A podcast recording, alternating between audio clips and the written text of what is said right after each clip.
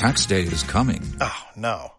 But if you sign up for Robinhood Gold's IRA with a 3% match, you can get up to $195 for the 2023 tax year. Oh, yeah. Sign up at Robinhood.com slash boost by tax day to get the biggest contribution match on the market. Subscription fees apply. Investing involves risk. 3% match requires gold for one year from first match. Must keep IRA for five years. Robinhood Financial LLC member SIPC.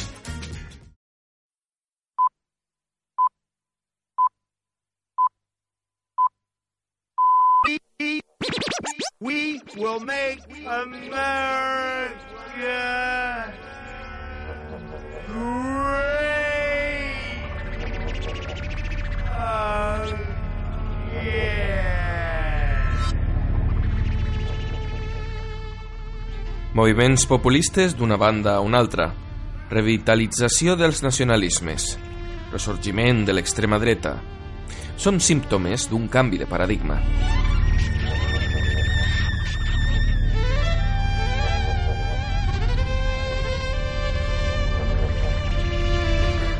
Tal volta estem passant d'allò global que anul·lava allò local dels anys 90 al fet local que ara és qui mou el món. O tal vegada no. Amb tot això, l'anglès s'ha consolidat com a llengua mundialista des de la Segona Guerra Mundial i guanyadora absoluta de la Guerra Freda. La llengua universal, alguns ens diuen, altres parlen del mandarí com a propera llengua global. Avui parlarem d'imperialisme lingüístic i de formes per combatre'l. Parlarem de Zamenhof i les seues idees, tant lingüístiques com espirituals. Ens preguntarem per què l'esperanto no va quallar com a llengua auxiliar i si, a hores d'ara, podria ser la ferramenta perfecta per l'entesa entre pobles, així com un salvavides per a la protecció de la diversitat lingüística del món. Comencem, o, o millor dit, comenant-ho.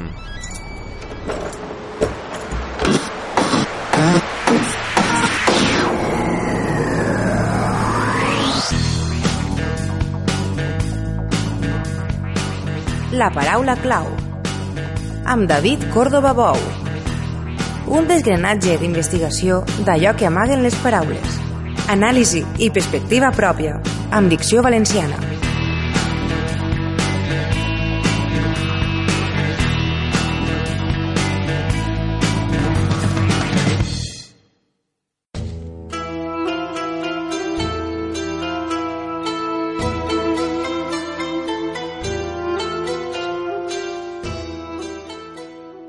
De l'antiguitat, des del mite de la Torre de Babel, la humanitat ha patit, o ha gaudit, en la immensitat d'un mar de llengües, i per raons comercials, els pobles s'han fet entendre entre si.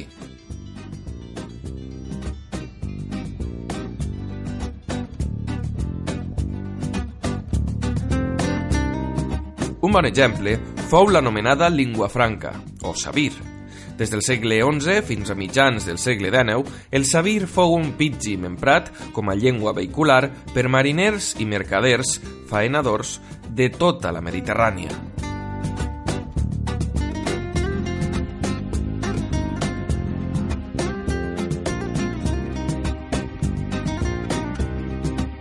La conseqüència de conviure diverses llengües contínuament en contacte va derivar en llengües simplificades, normalment barrejant elements de la llengua de la nació dominant amb la dels nadius i els esclaus. Més endavant apareixeran les llengües planificades, amb la intencionalitat d'una comunicació global. Als nostres dies, el capitalisme ha fet de l'anglès la llengua global. Però què és una llengua global? ¿Qué es una lengua global? Bueno, pues eh, eh, es un concepto sociolingüístico, ¿no? Quizás, pero en realidad, ¿por qué el inglés, francés y español son lenguas globales o lengua, y, y no lo son el navajo, o groenlandés o coreaco? ¿Por qué? Yo solo veo una explicación a esto. Y esa explicación tiene que ver con el colonialismo y el imperialismo. Porque eh, las potencias imperialistas no hablaban navajo, ni hablaban groenlandés o coreaco. Porque si las potencias imperialistas hubieran hablado navajo, groenlandés o coreaco, esas lenguas serían en este momento lenguas o podrían ser lenguas globales y sin embargo no lo son.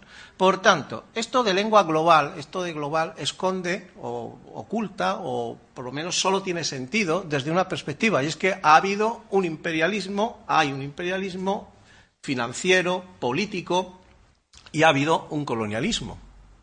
Y precisamente esa característica se deriva de esas circunstancias históricas, y esto no hay que olvidarlo. ¿eh? No es porque el inglés, francés o español sean superiores al navajo, groenlandés o coreaco. No, estas seis lenguas son exactamente iguales en sus potencialidades, en su riqueza, en su capacidad. Eh, a ese nivel son exactamente iguales. Lo que varía es la historia. Por tanto, no hay lenguas globales. Lo que es global es otra cosa.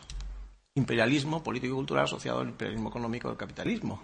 El concepte de llengua global, tal i com senyala Juan Carlos Moreno Cabrera, catedràtic de la Universitat Autònoma de Madrid, té un rerefons colonial i imperial. Per entendre la capacitat d'una llengua global als serveis del comerç, analitzarem, per damunt, l'obra d'aquell que va batejar la paraula capitalisme.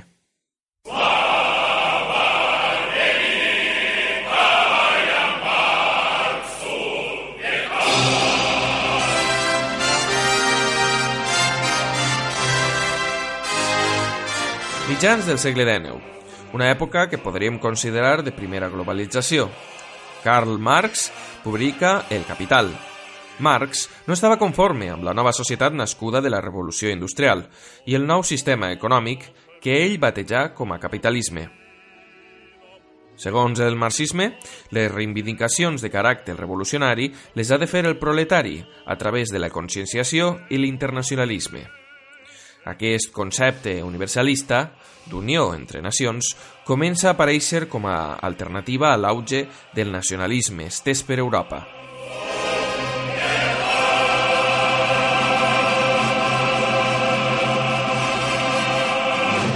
D'altra banda, el llatí, mort fa segles que és litúrgic, i és des de la litúrgia on naix la primera llengua artificial. El Volapük, nom amb el qual aquesta banda francesa de música avantguarda es va batejar. Sona Nusrat, del grup Volapuc. Thank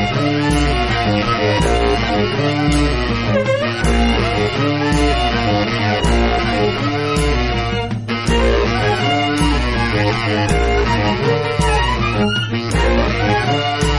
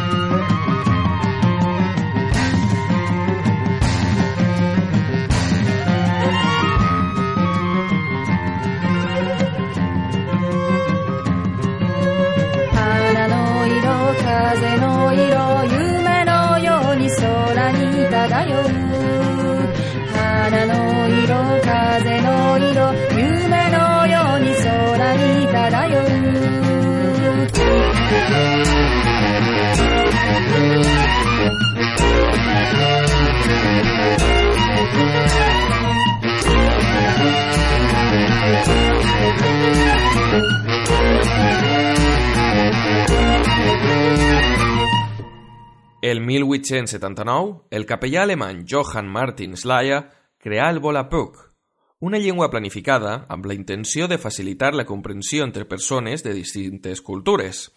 El seu lema, Menefeval Pukival, una llengua per a una humanitat. Una llengua que, al contrari a l'esperanto, volia imposar-se mundialment. Durant els primers anys va aconseguir un èxit notable, però la relativa complexitat de la gramàtica i les greus distensions entre parlants provocaren el declivi de la llengua. En l'actualitat és pràcticament morta. El primer llenguatge auxiliar, tal i com va dir una vegada un esperantista, tenia més declinacions que parlants.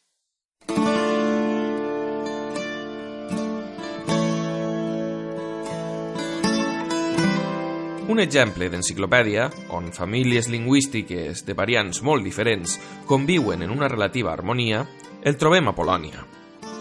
És clar, no a la Polònia actual. A hores d'ara, un dels estats més uniformes lingüísticament, religiosament i ètnicament de tot el continent europeu, en gran mesura a causa de la seva sagnant història resultat de dos guerres mundials.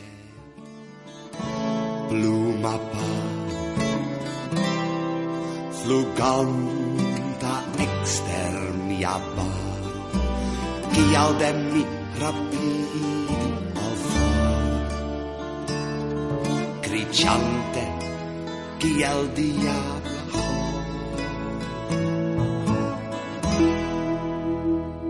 Ens retrotraem en el temps, novament. Situem-nos en uns temps on Polònia, als mapes europeus, havia sigut esborrada. Dividida entre tres estats, Prússia, Rússia i Àustria, els polonesos conviuen en un ambient multicultural. Posem en el mapa a la ciutat de Białystok, actualment a Polònia, a prop de la frontera amb Lituània i Bielorússia. Des dels temps de Kazimierz Bielki Casimir III, Białystok era una d'aquelles urbes on el 70% d'habitants eren jueus.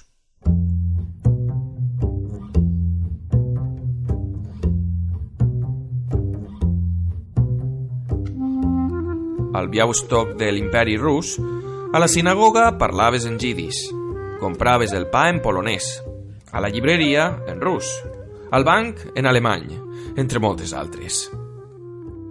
En aquest ambient multilingüístic, naix el 15 de desembre de 1859 al si d'una família jueva Ludwig Leiser Zamenhof, un oftalmòleg jueu creador de l'esperanto, la llengua artificial més parlada de la història.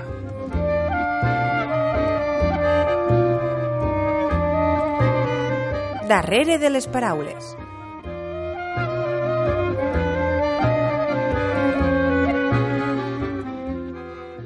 de llengua materna, el jidis, i el rus com a paterna, Zamenhof es considerava russòfon, però també parlava alemany. El seu pare era professor de lingüística i com a professor va treballar en la normalització del jidis, més tard en l'hebreu contemporani, i també treballar com a censor.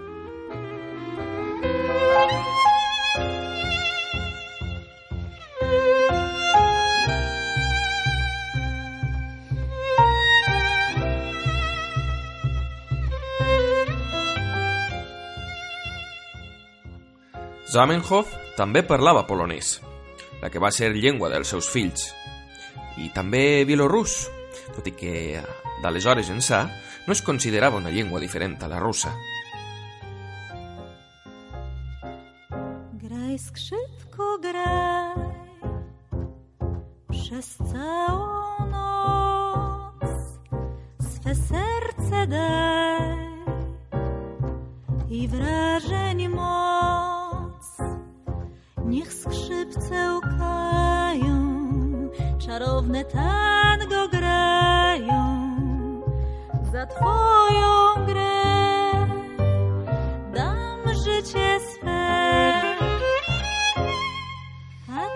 Zamenhof, entristit i frustrat per les nombroses disputes entre els diferents grups de la ciutat, suposava que el principal motiu d'odi i prejudici queia en el malentès causat per la manca d'un llenguatge comú.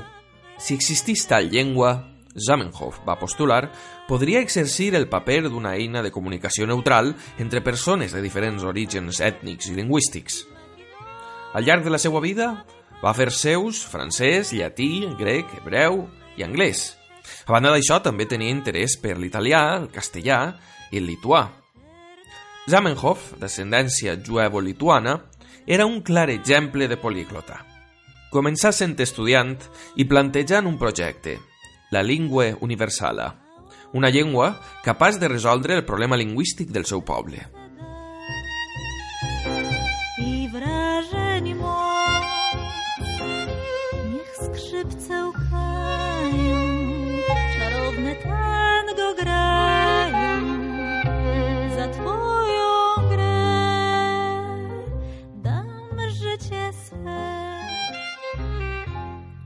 Son pare l'espentà a estudiar a l'Escola de Medicina de Moscou. Quan el seu fill era lluny de casa, va cremar el projecte de llengua universal. Però Zamenhof era una persona insistent i el va reescriure de nou començant de zero, fent ús d'una estructura indoeuropea, però amb l'adquisició d'un vocabulari més internacional, ja que havia estudiat el turc, l'hongarès, el finès i alguna llengua xinesa. Després de 10 anys de treball, l'estiu de 1887, naix la primera gramàtica de l'Esperanto, publicada a Varsòvia, en rus. Un llibre anomenat Llingua Internacia, conegut entre els esperantistes com Unua Libro. Un manual que inclou una carta, poesia, les 16 regles de l'Esperanto i un fum de vocabulari, alguns versicles de la Bíblia, entre ells el Pare Nostre.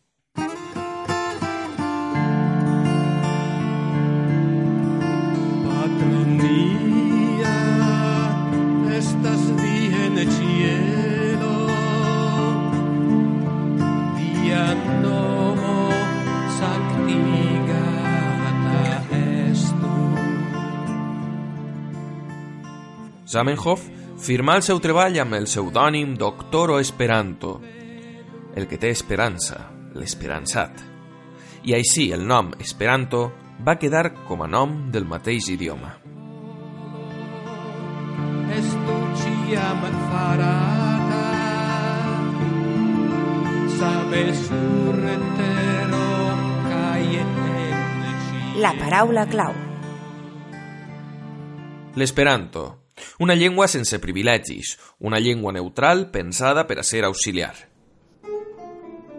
Auxiliada per una gran quantitat de publicacions, com poden ser el Dua Libro, imprès completament en esperanto. El 1889 es crea la Esperantisto, que serà la primera revista en esperanto, captant arreu del món nous usuaris i fent pròpies traduccions. Allà participen esperantistes com Tolstoi, perquè a principis del segle XX, saber esperanto entre els intel·lectuals era una obligació. Tolkien, Pi Maragall, Mercè Rodoneda, els pares de Dalí eren parlants. Jules Verne presidia una associació. De fet, Verne volia fer una novel·la en relació a l'esperanto, però va morir abans de publicar-la.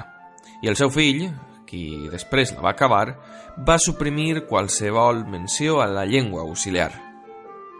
El moviment esperantista es forja i creix de manera ferma i atreu persones de totes les classes socials i de totes les ideologies. Creixen les associacions.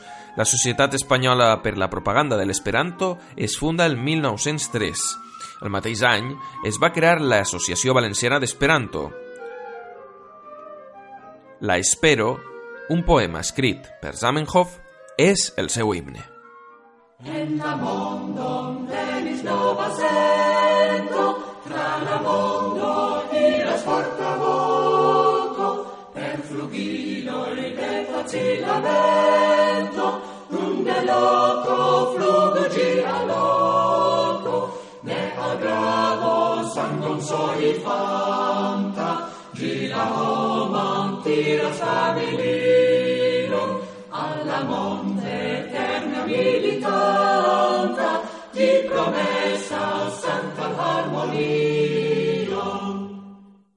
Suona tra la lingua fundamento, comprenante uno la alia, la popola e faro sen consento, uno grande Aquest últim fragment diu així. Sobre un fonament lingüístic neutral, comprenent-se els uns als altres, els pobles es posaran d'acord per a fer una gran família.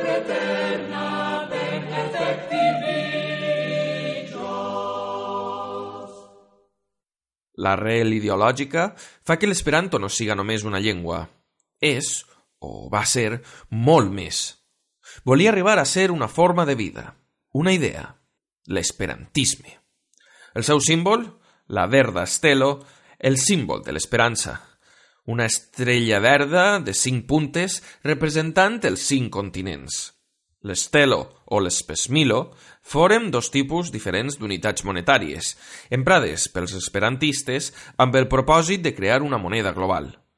L'esperantisme va arribar fins i tot a la religió. Des de l'Omoto, una religió japonesa fundada el 1892, lligada a la llengua auxiliar internacional, a altres com el bahaïsme, i fins a arribar a l'omaranisme, amor als homes i a la humanitat, la interpretació que Ludwig Zamenhof feu de la religió basant-se en la filosofia de les ensenyances del rabí Hillel el Vell, sustentada amb un ideari pacifista, humanista i cosmopolita. Explicada a la Declaratio Pri Homaranismo, una llengua i una religió humana neutrals. Però aquest segon projecte, en realitat, mai va tenir èxit. Ciam tu mi pretas diries, par parto preni en congres. Ciam tu mi pretas par parto preni en Se calcai celas alla dom, riposi en la campardom, oiras alla famili. Tui ciam estas ja feri, referas mi lau interes, la parto prenen en congres. Ade de boleno ce la mar, congresson vidis ciu jar, de la valoio de la montar, alvenas l'esperantistar. El 1905 se celebra el primer Congrés Mundial d'Esperanto, on es reuneixen parlants de tot arreu, molts d'ells per a passar de la teoria a la pràctica. Des d'aleshores, cada any, excepte en períodes bèl·lics, s'han celebrat congressos. El cinquè, celebrat a Barcelona, assentà els fonaments a les nostres terres. Al film Ciutat cremada d'Antoni Ribas se'ns mostra un exemple d'aquells anys. Tiro amicoi. Què diu? Anem, ens hem equivocat. Tiro amicoi, mi petes perdonen. Quina Josep, sorpresa! No, jo, eh? Ens creiem que ens havíem equivocat de casa. No ens enteníem? El teu amic parla un català molt tancat. És que no és català, és esperanto. Ah, Passeu. bona nit. Bona nit. I bona, Bona nit. nit. Ara som el sufix ets. L'amiquezzo, l'amistat. La bonezzo, la... Bo... Bona, nit. Ara arribarem a la llibertat. Fem pràctiques d'esperanto. És l'idioma de la fraternitat universal. Per damunt de fronteres i creences. L'idioma del futur. La bondat. La blanquezzo. Remei, surt, que coneixeràs els meus pares. La llibertat. la fortezzo, La fortalesa. La espero. l'esperança. Els últims anys de vida de Zamenhof es va apartar de la direcció per a ser un esperantista més. Finalment, morí d'un atac al cor a Varsòvia. I així és com, amb el mateix nom del creador, aquest grup polonès barreja multitud d'estils musicals.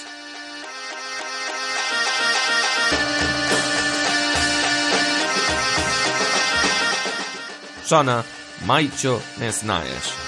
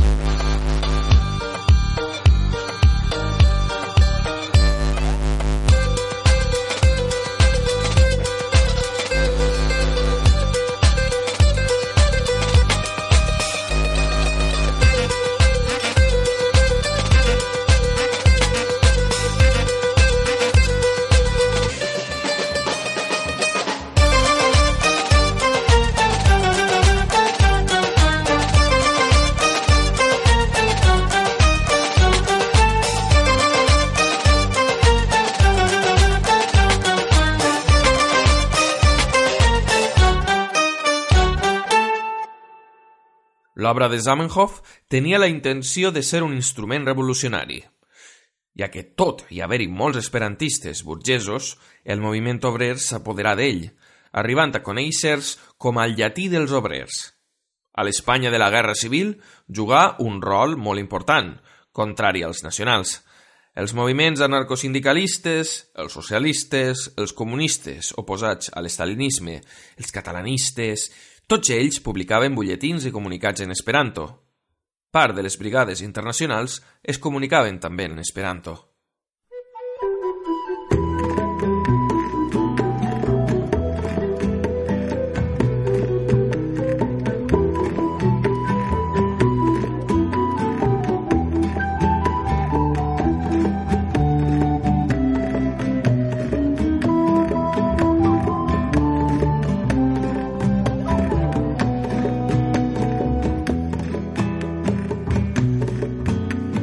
vola scrivimi, necessito per adresso.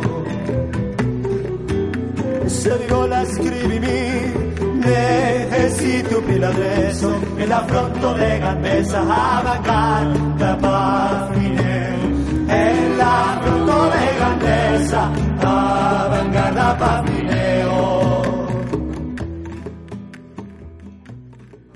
Encara que és cert que una part de la dreta catòlica també en feia ús, la veritat és que amb la victòria de Franco, l'esperanto pateix les conseqüències dels guanyadors de la guerra. I és que l'esperanto serà el represaliat de guerra més internacional.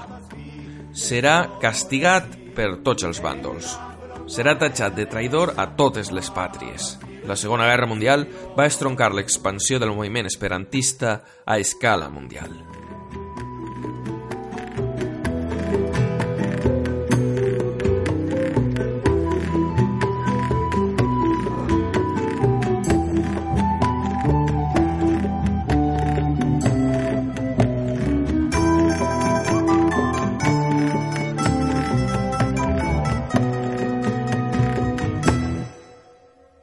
De l'utopia a la persecució i la mort.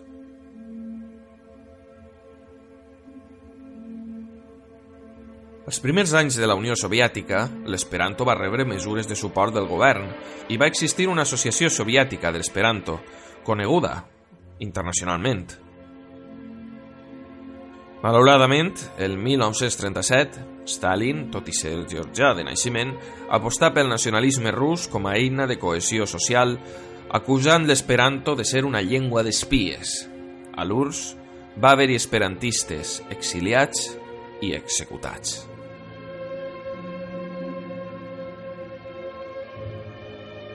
A l'Alemanya nazi, Hitler assenyala a la seva obra Mein Kampf l'esperanto com a una llengua que podria ser usada per a la dominació del món per una conspiració jueva internacional. Com a resultat d'aquella animadversió, els esperantistes van ser perseguits durant l'Holocaust.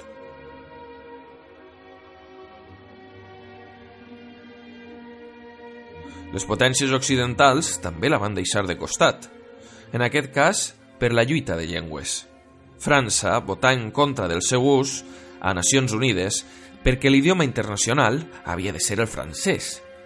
Els Estats Units rebutjaven l'universalisme esperantista per ser antiamericà i comunista.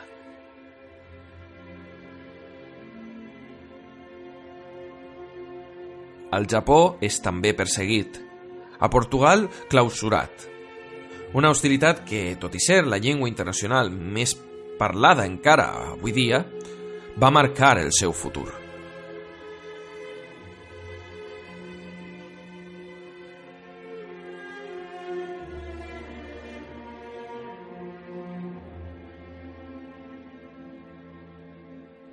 Posem el punt de mira en l'actualitat.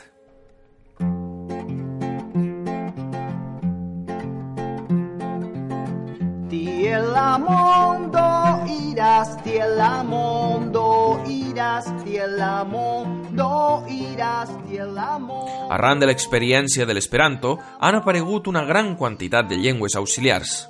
Es parla de vora 900 llengües creades. La, entre cometes, competència va des de moviments reformistes esperantistes, com ara Lido, amb la idea d'un esperanto reformat, que no va arribar a bon port, i més aviat va entrebancar el progrés de la llengua, fins a altres com l'interlingua, semblant a l'esperanto, o el lojban, una llengua considerada lògica. Els eslaus ho han intentat amb moltes llengües auxiliars durant l'últim segle. L'interslàvic, slava esperanto o slovio són algunes a esmentar. la lia y kiwi detruas, estas tiel, estas tiel. Tiela mondo, irás, tiela mondo, irás, tiela Però l'esperanto és molt més que una llengua, i amb el temps ha rebut oficialitat i reconeixements d'organismes internacionals. Des de l'educació, ressalten el seu valor propedèutic. L'activisme esperantista no ha cessat. Els congressos no s'aturen. Gran part dels esperantòfons són finvenquistes, és a dir, treballen per aconseguir un canvi social.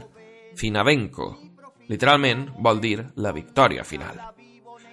I no és un moviment únicament europeu.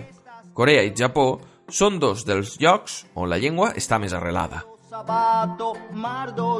En el passat considerada la llengua per als que no acceptaven l'autoritat. En l'actualitat és una comunitat de parlants. Un clar exemple és el Passport a Servo, servei de passaport.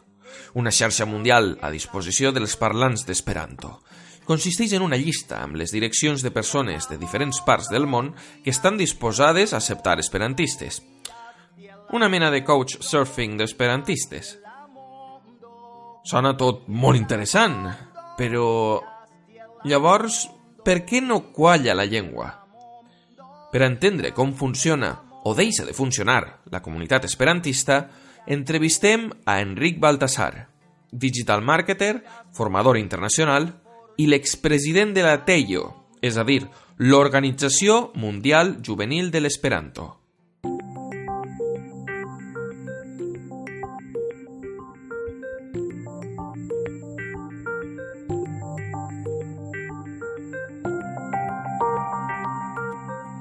En clau d'entrevista.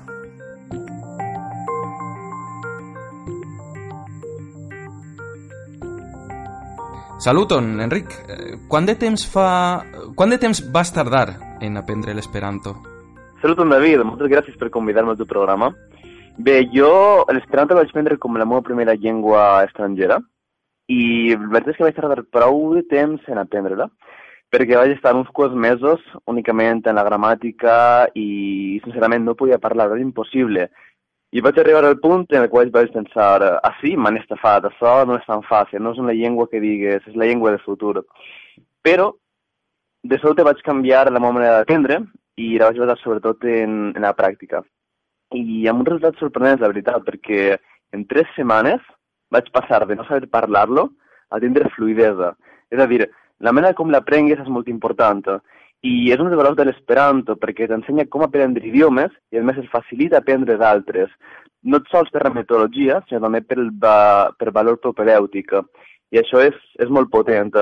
De fet, tinc amics que, començant després de jo, van aconseguir un nivell més alt, o fins i tot un amic d'ací de Catalunya, que van anar amb mi a un encontre a Andalusia i eh, crec que eren sis mesos va aconseguir un nivell B2 oficial. Bé, podríem dir que, que l'esperanto ajuda molt a aprendre noves llengües, com has anomenat, perquè gran part dels parlants d'esperanto són multilingües. Però jo em pregunto, si és tan senzill, per què creus que no ha arribat a quallar en la societat? És a dir, eh, pot fer front una llengua que busca una comunicació equitativa, eh, pot fer front al, poder, al totpoderós anglès? Sí, bé, és una qüestió que és multivariable i no és gens uh, senzilla. Però bé, n'hi ha una sèrie de punts que jo he considerat al llarg de, de la meva experiència, de les meves reflexions, uh, que podria comentar. Per exemple, és sol dir que uh, és una llengua molt fàcil, i és cert, relativament fàcil. Però, eh, a de que sigui un avantatge competitiu prou important, pensa que no s'ha de vendre un producte buit, o si es ven s'ha de ser conscient de que ho és. I això penso que és una cosa que es fa al moviment de manera equivocada. Per exemple, jo com a l'esperanto no el venc com una llengua. el venc com una comunitat. Jo venc una comunitat, jo vinc unes experiències que he tingut, unes experiències que la gent pot tindre. La qüestió és que ha moltíssima gent, fins i tot pot ser jo com vaig començar, que veníem a so com un valor social. I és cert, és un valor social, però no és únicament això, i jo diria que sobretot no ho és. Per exemple, quan uh, vaig fundar el club, un club d'Esperanto, que va acabar sent el juvenil més gran d'Europa, la meva estratègia es basava en vendre a les persones, en el sentit de que jo venia a la comunitat, venia els llaços entre les persones. Eh? I uh, n'hi ha una, una teoria que en màrqueting que es diu Jobs to be done theory, que recomanaria a molta gent, perquè la qüestió és uh, pensar en quines funcions tu estàs complint per la gent a la qual estàs intentant convèncer de que això és un, uh, un producte que val la pena. I hauríem de pensar més en què pot rebre la persona ara i menys en una estratègia de proposta de risc que es basa en uh, jo la prenc i no sé si m'arribarà a ser útil, no sé si, si el parlo sols algun, algunes persones o no tantíssima gent podré treure rentabilitat, és a dir, s'ha de passar d'una estratègia de, de risc a una estratègia de valor actual. I això penso que no s'està fent bé. S'està avançant però no s'està fent bé. Després pense que n'hi ha una considerable, que és el tema de la massa local. De fet, una cosa que em va cridar per l'atenció és que, com vaig fer una anàlisi de les seccions nacionals que tenim a Tello, a l'Organització dels Jocs Mundial, em vaig trobar que les seccions nacionals estan basades sobretot en un nucli local, que és o una ciutat gran o una ciutat en, el seu, en els seus voltants. I això em va, em va fer, em va produir unes sensacions de dir pot ser, no necessitaríem tantes seccions nacionals, que queden bé, però necessitaríem més associacions locals. I centrar-nos més en uh, una estratègia diferent. És a dir, en general jo penso que l'esperanto és una bona idea, però si no ha evolucionat és per la manera com el moviment funciona. Penso que a nivell d'estratègia i d'acció funciona molt en un pensament del segle XIX o segle XX i també perquè uh, no és únicament una qüestió interna, no és una qüestió de màrqueting únicament, és també un tema d'oportunitats i un tema del macroentorn. És a dir, quan l'esperanto va néixer, n'hi havia diverses llengües que estaven disputant-se qui seria la pròxima llengua franca. Actualment és l'anglès. Però ja n'hi ha molta gent que està dient que la pròxima podria ser el xinès. És a dir, a nivell econòmic i a nivell social, l'anglès està perdent força i ahir n'hi ha una oportunitat. Dependrà del moviment si s'aprofita o no, però jo penso que s'han fer diverses transformacions importants per a poder aconseguir que l'Esperanto tinga un futur molt més brillant, perquè l'Esperanto té una actualitat, però necessita un futur més brillant. Reprenent un poc eh, el tema, diguem, l'element històric, George Orwell criticava durament l'element polític de l'esperanto i, segons deia, l'intent de controlar i dirigir el llenguatge era, al seu parer, una característica central del totalitarisme. Eh, jo personalment crec que eh, podria ser la ferramenta de comunicació, en aquest cas, com has, com has anomenat, el xinès està eh, en estos moments en un punt d'inflexió que l'anglès no arriba a, a ser la eina global en moltes parts del planeta i, i el xinès, per qüestions econòmiques, eh, vol intentar diguem, aprofitar aquest nicho. Però, clar, jo, la ferramenta de comunicació que podria ser l'esperanto i, igual és, efectivament, com, com, bé, com bé tu saps, és un problema de comunicació dels propis esperantistes ja que en alguns congressos eh, només es parla, o segons diuen, només es parla de l'esperanto en relació a la gramàtica en comptes de parlar de l'esperanto per adreçar els problemes reals del món. Què, què n'opines de la xovinització de l'esperantisme?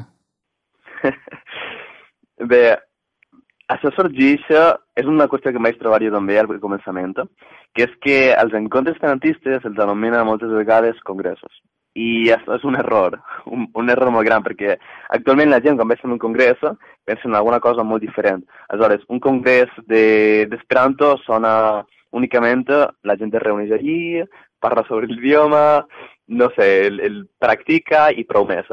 Però la veritat és que, tot i que ha diverses tipologies d'encontres, i un es pot trobar de tot, sí també és cert que molts eh, anomenats congressos són realment encontres, on tu pots, eh, on tu tens festa, on tu pots aprendre sobre coses que no són la llengua mateixa, i la veritat és que són molt divertits i aprens molt, són molt enriquidors. En aquest sentit, sí que és també una qüestió més de màrqueting, perquè eh, la paraula no està gastant la que hauria de ser actualment.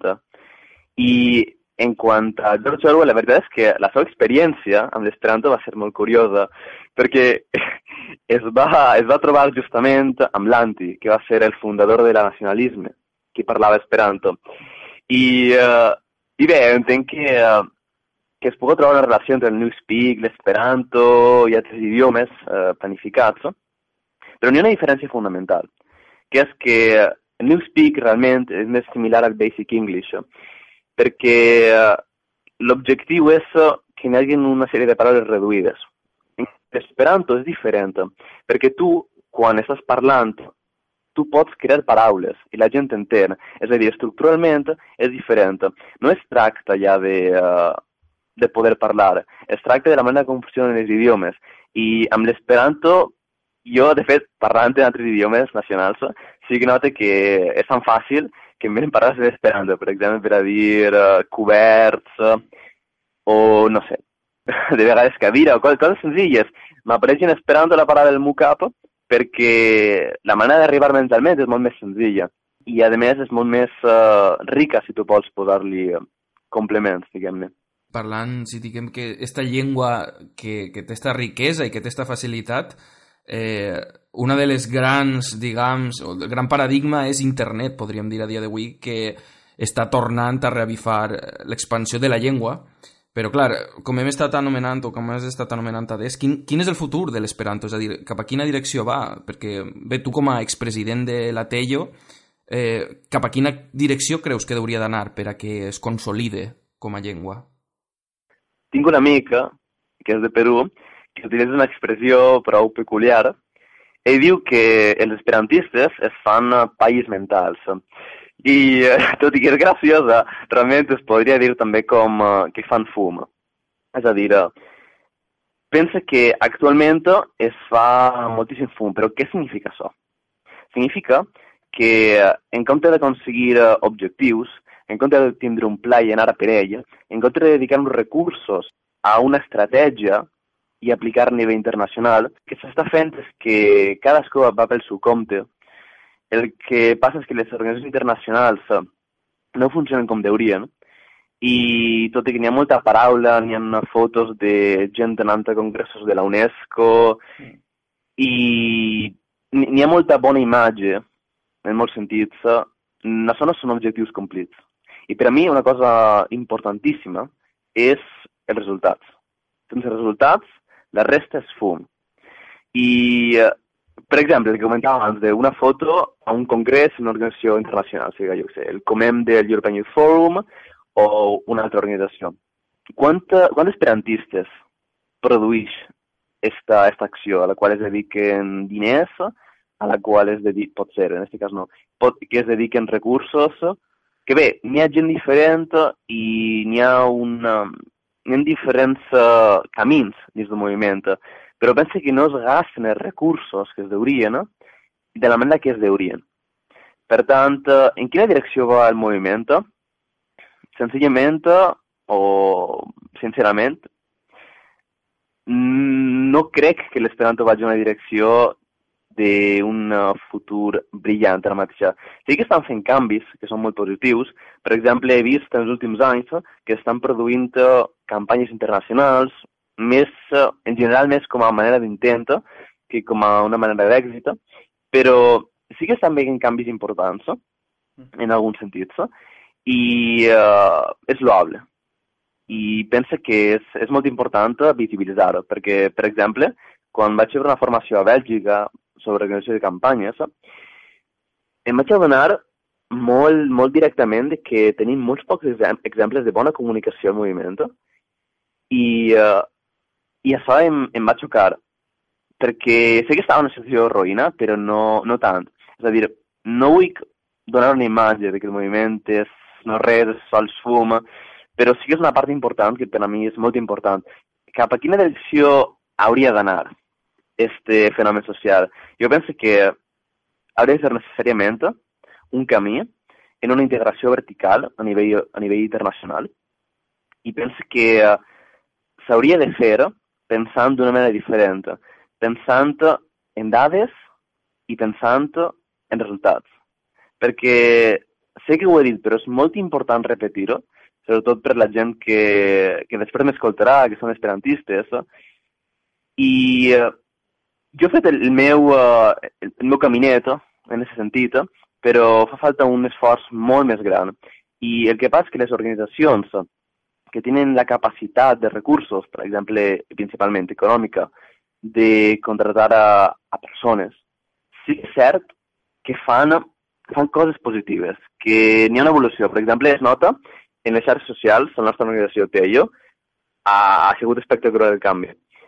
Però penso que hauria de ser un camí interorganitzacional, perquè a dia d'avui, quan tu veus el moviment i analitzes què és allò que t'apassiona, què és allò que dius, és que estan fent-ho molt bé.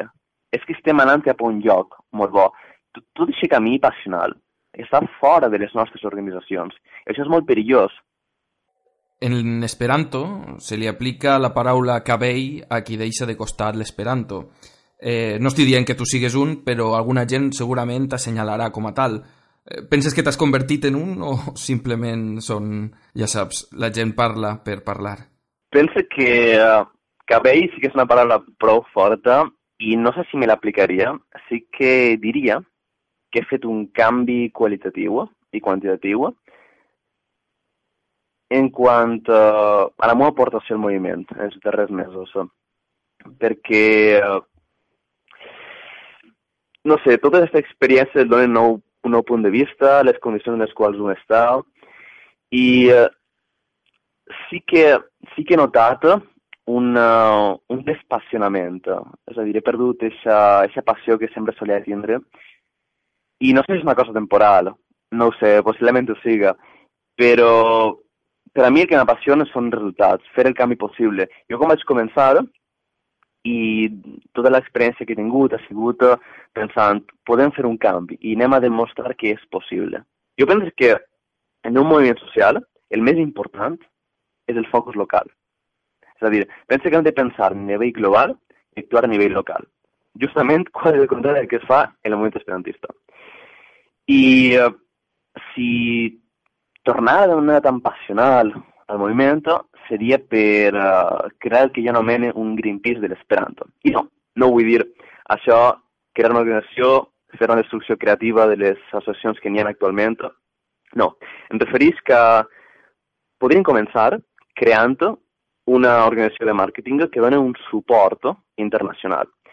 I després del que passa en aquesta organització ja és una cosa que no s'ha de parlar d'ara, però pensa que fa falta un suport diferent al moviment, fa falta una visió diferent i que aquesta organització podria donar-li aquesta possibilitat de, de tornar a ser o fins i tot de crear un moviment nou dins del moviment nou que n'hi ha. Perquè necessàriament fa falta. Sense una visió de màrqueting i sense aquesta organització, actualment el futur que li veig a l'Esperanto no és massa positiu.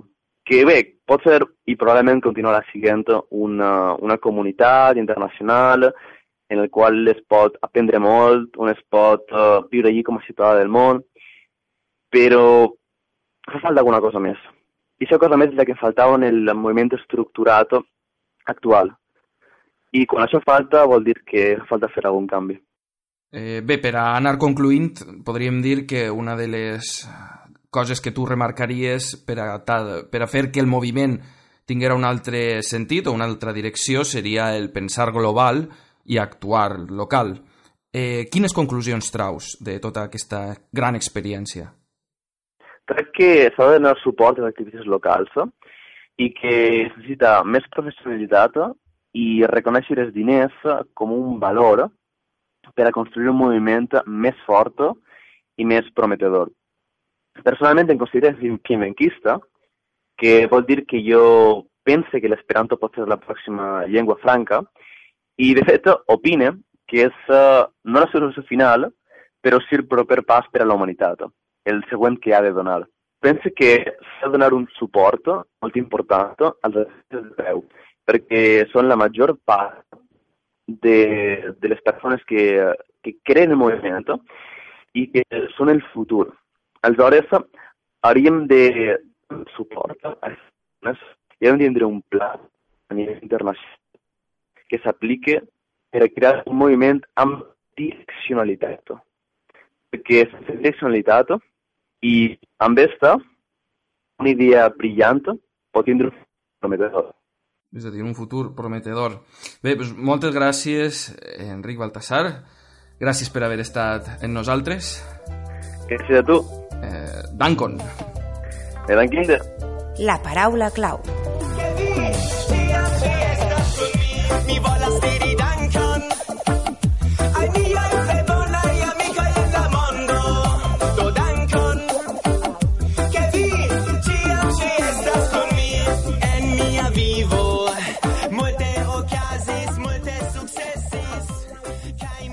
Com a qui el bifartasulo, algú que només és capaç de dir qui el bifartas, que vol dir com estàs. La meva opinió prové de l'observació. Es calcula que en l'actualitat hi ha entre 100.000 i 2 milions de parlants d'Esperanto en tot el món. Les xifres ballen massa. L'esperanto ha estat estigmatitzat i sobretot ridiculitzat per aquells que, amb ignorància i por, el veuen com quelcom utòpic i inclús friki. Els detractors, entre ells Noam Chomsky, diuen que és una llengua inventada, però al cap i a la fi totes són inventades amb el pas del temps.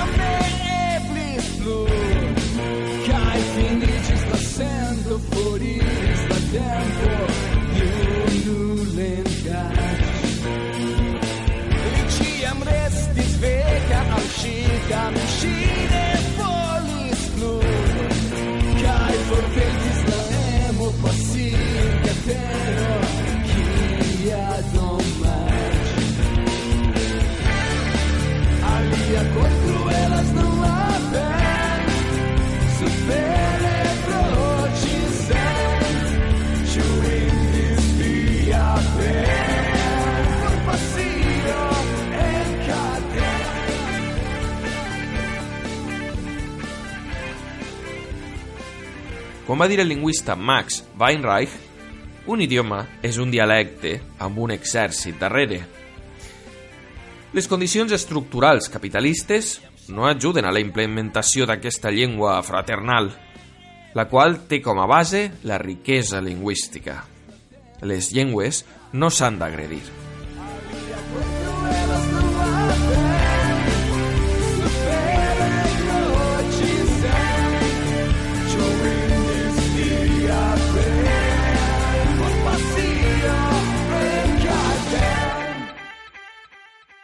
En clau multimèdia.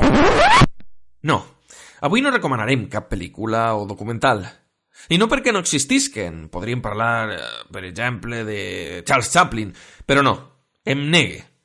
Perquè pense que esta és una de les grans mancances. El futur de l'esperanto passa per les sèries i programes de televisió. Tenim llibres, documentals, música, poesia i fins i tot algunes pel·lícules, però no són suficients. No hi ha bones sèries, tampoc telenovel·les. Internet obri una nova finestra. L'anglès és la llengua de la programació, sí, però no d'internet. Necessitem nous formats en Esperanto. En l'era de la comunicació tornem a ser autodidactes. L'aplicació Duolingo o el lloc web Lernu s'encarreguen d'això. Obrir el meló educacional basant-se en l'ecologia lingüística per a introduir cursos d'Esperanto servirien per al fàcil aprenentatge d'altres llengües a classe, encara que després no el gasten, simplement com a base per aprendre'n més. Probablement, Zamenhof no estaria satisfet amb el progrés de la seva llengua, però menys encara amb la societat actual. Com hem comentat en altres programes de la paraula clau, per a 2050 es preveu que el 90% de llengües del món desapareixeran, segons estudis, i encara som a temps de preservar la diversitat del món. L'esperanto podria ser una ferramenta d'una utilitat incommensurable. Però, clar, arribarà un moment en què la tecnologia trencarà les barreres de comunicació. Ja no caldrà aprendre llengües, només els romàntics voldran fer aquest esforç.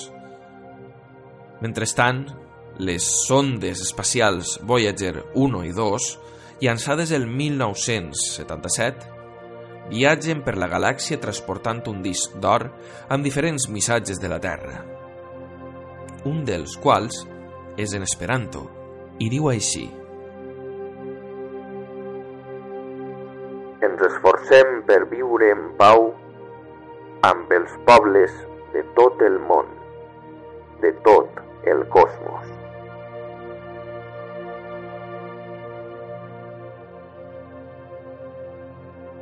I així tanquem aquest capítol de la paraula clau, reproduint una peça que també s'inclou al disc d'or cosmonàutic.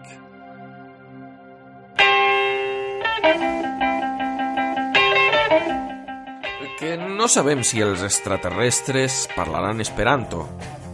El que és ben cert és que amb Chuck Berry aprendran a ballar. Adeu.